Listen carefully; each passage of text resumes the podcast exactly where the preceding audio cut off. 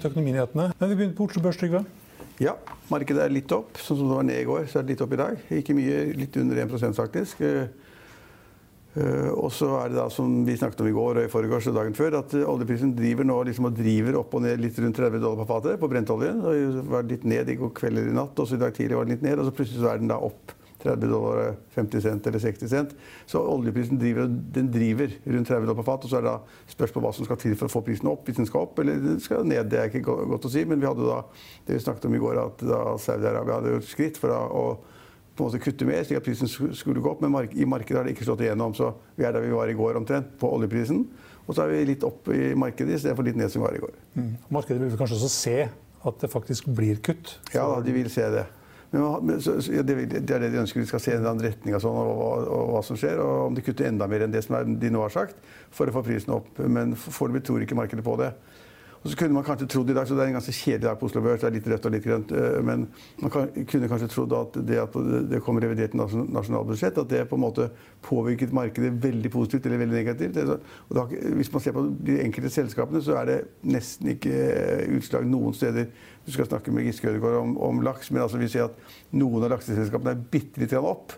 Fordi man hadde ventet en sånn overskuddsbeskatning, et tidligere forslag at man skulle ta en sånn grunnrente fra da oppdretterne. og det, det, har de ikke fått til. Regjeringen slår da til før ny regjering kommer, i 21 kanskje, ja, i revidert og sier at det blir ikke noe av den nye beskatningen, grunnrentebeskatningen, men vi, ta, vi, vil ta en produksjonsavgift på 40 øre per kilo eller sånn nå. Og hvis de tar det, så sier de da, det har ikke jeg peiling på, så sier de da at det tilsvarer omtrent det samme som om man hadde øket da skattebelastningen, selskapsskatten, fra, med 1 prosentpoeng. Altså det vil si da fra 22% til 23 mm. Det er kanskje riktig. Og Derfor så markedet syntes det var kjempefint, tror jeg. Mye bedre å få en produksjonsavgift, vet eksakt hva det er. Kan regne på det veldig lett i budsjettene sine og når de selger. Uh, Istedenfor å få en sånn gevinstbeskatning som er litt skummel og som var, var ganske tøff. Mm. oljeprisen, Vi kan ta litt med oljeprisen med en gang. I revidert nå tror regjeringen at oljeprisen blir 331 kroner. Ja, altså, det vil si altså 33 dollar per fat. Omtrent dagens eh, pris, ja. Mm. Det vil si at de er litt forsiktige, da, for normalt har de ofte ligget litt høyt. eller ja, så må de korrigere seg, Men det, jeg syns det er like rett at de gjør det. for Skulle oljeprisen da havne på 40 eller 50, så ville da statsbudsjettet bli mye bedre. Et stort overskudd istedenfor et uh, underskudd før de korrigeres. Så jeg syns det er greit at de legger seg ganske konservativt. For hvis de hadde lagt seg altfor høyt nå, og det hadde bommet helt, så ville de fått masse kritikk når året var omme. Mm. Og i dag så ligger den på 309 ja. kroner. Ja. Det er 30 dollar ca. Ja. Nei, det, det, var vel ikke så veldig mange overraskelser egentlig i revidert? Man hadde nei, altså, på det, her i forkant. Så. Nei, jeg synes at uh, Det har gått akkurat som man ventet. De har sagt de skal bruke mer penger. De bruker mer penger. Det er riktig, regjeringen bruker penger. Opposisjonen er enig, de skal bruke mer penger. Vi skal liksom gi konsumentene mer ved at de får permisjonspenger. Vi skal gi selskapene mer ved at de får, ta, får dekket noen av sine faste kostnader, at marginene blir bedre. Det er bra. Og så har de regnet ut da nå, som de kunne gjort på forhånd nesten, at eh, de kommer til å bruke da 4,2% av oljefondet. og det er da, Husk på i gamle dager, og det er bare noen år siden, så var da 4% det man, var normen man skulle strebe etter. at Handlingsregelen var 4, nå er handlingsregelen 3. At man da i krisetider bruker 4,2 er bare morsomt. altså Det er ikke noe å kritisere, det er perfekt, det er på rett tid, og det er nødvendig. Og det har ingenting å si for dine barn eller barnebarn eller mine barn og barnebarn. Absolutt ingenting å si.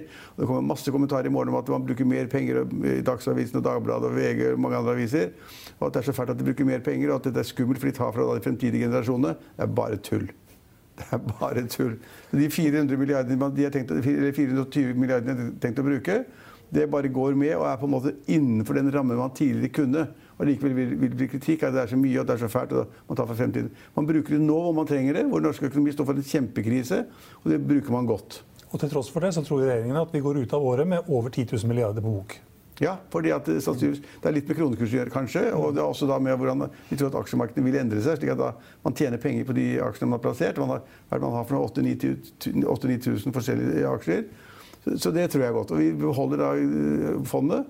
Og så bruker vi da litt av avkastningen. Ikke fondet i det hele tatt. Så det står masse kommentarer i morgen om at regjeringen bruker, tar, tar av oljefondet osv. De gjør de ikke i det hele tatt. De tar av avkastningen av fondet, og fondet bestandig og øker. Mm.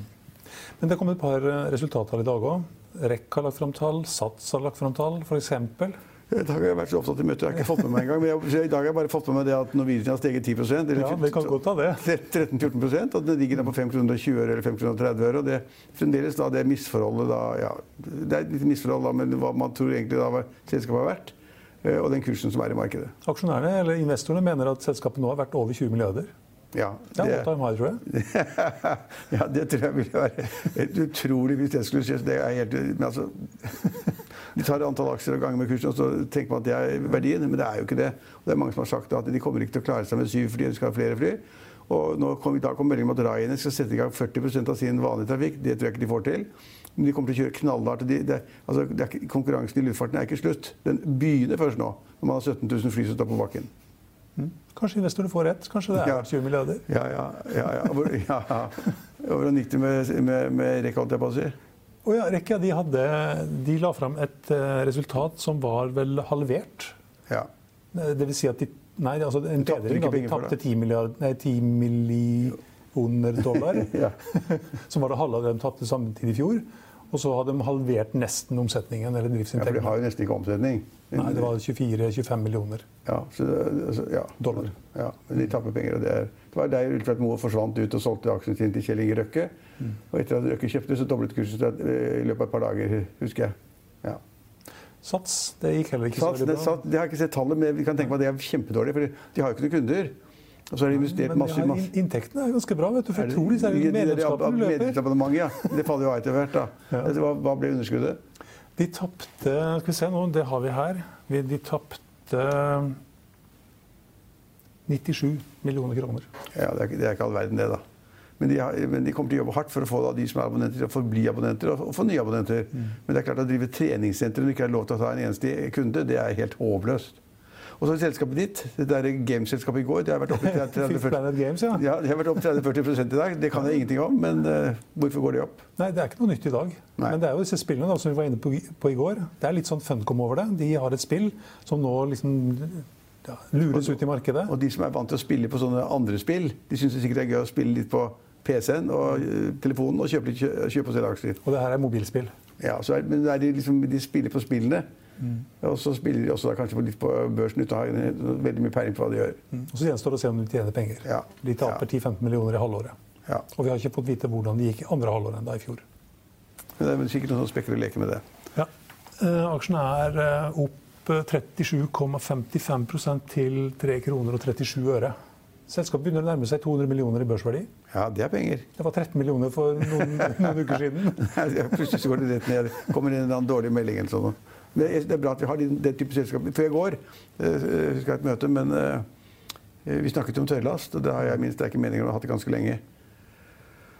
Og tørrlastsektoren, Man behøver ikke være økonom eller analytiker for å forstå det at når liksom verden står stille, alt er låst ned, så blir det ikke noe særlig frakt frem og tilbake mellom landene. For det ingen, får, ingen får eksportert noe, ingen får importert noe. Og de får noe, selvfølgelig, men altså, alt går ned.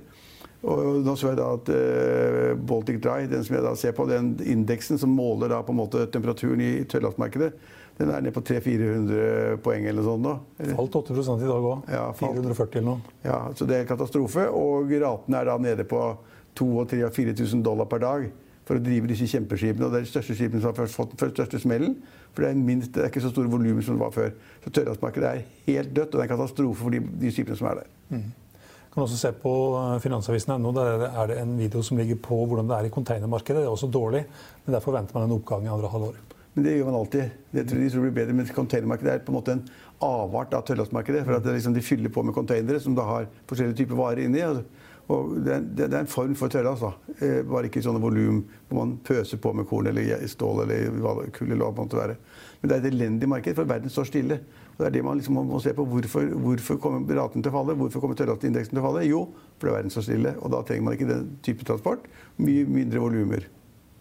Har du sett disse containerskipene? De har plass Ja, til er- sånn 15 000 Ja. De er kjempesvære. De er, Det var det vi hadde for i dag. Følg med oss igjen i morgen klokka 10 og klokka 15.30.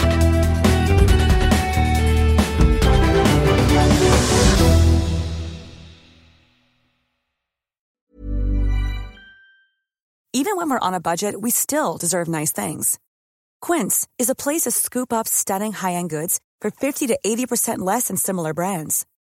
They have buttery soft cashmere sweaters starting at $50, luxurious Italian leather bags, and so much more. Plus, Quince only works with factories that use safe, ethical, and responsible manufacturing. Get the high-end goods you'll love without the high price tag with Quince. Go to quince.com slash style for free shipping and 365-day returns. Økonominyhetene er en podkast fra Finansavisen. Programledere er Marius Lorentzen, Stein Ove Haugen og Benedikte Storm Bamvik. Produsenter er Lars Brenden Skram og Bashar Johar. Og ansvarlig redaktør er Trygve Hegnar.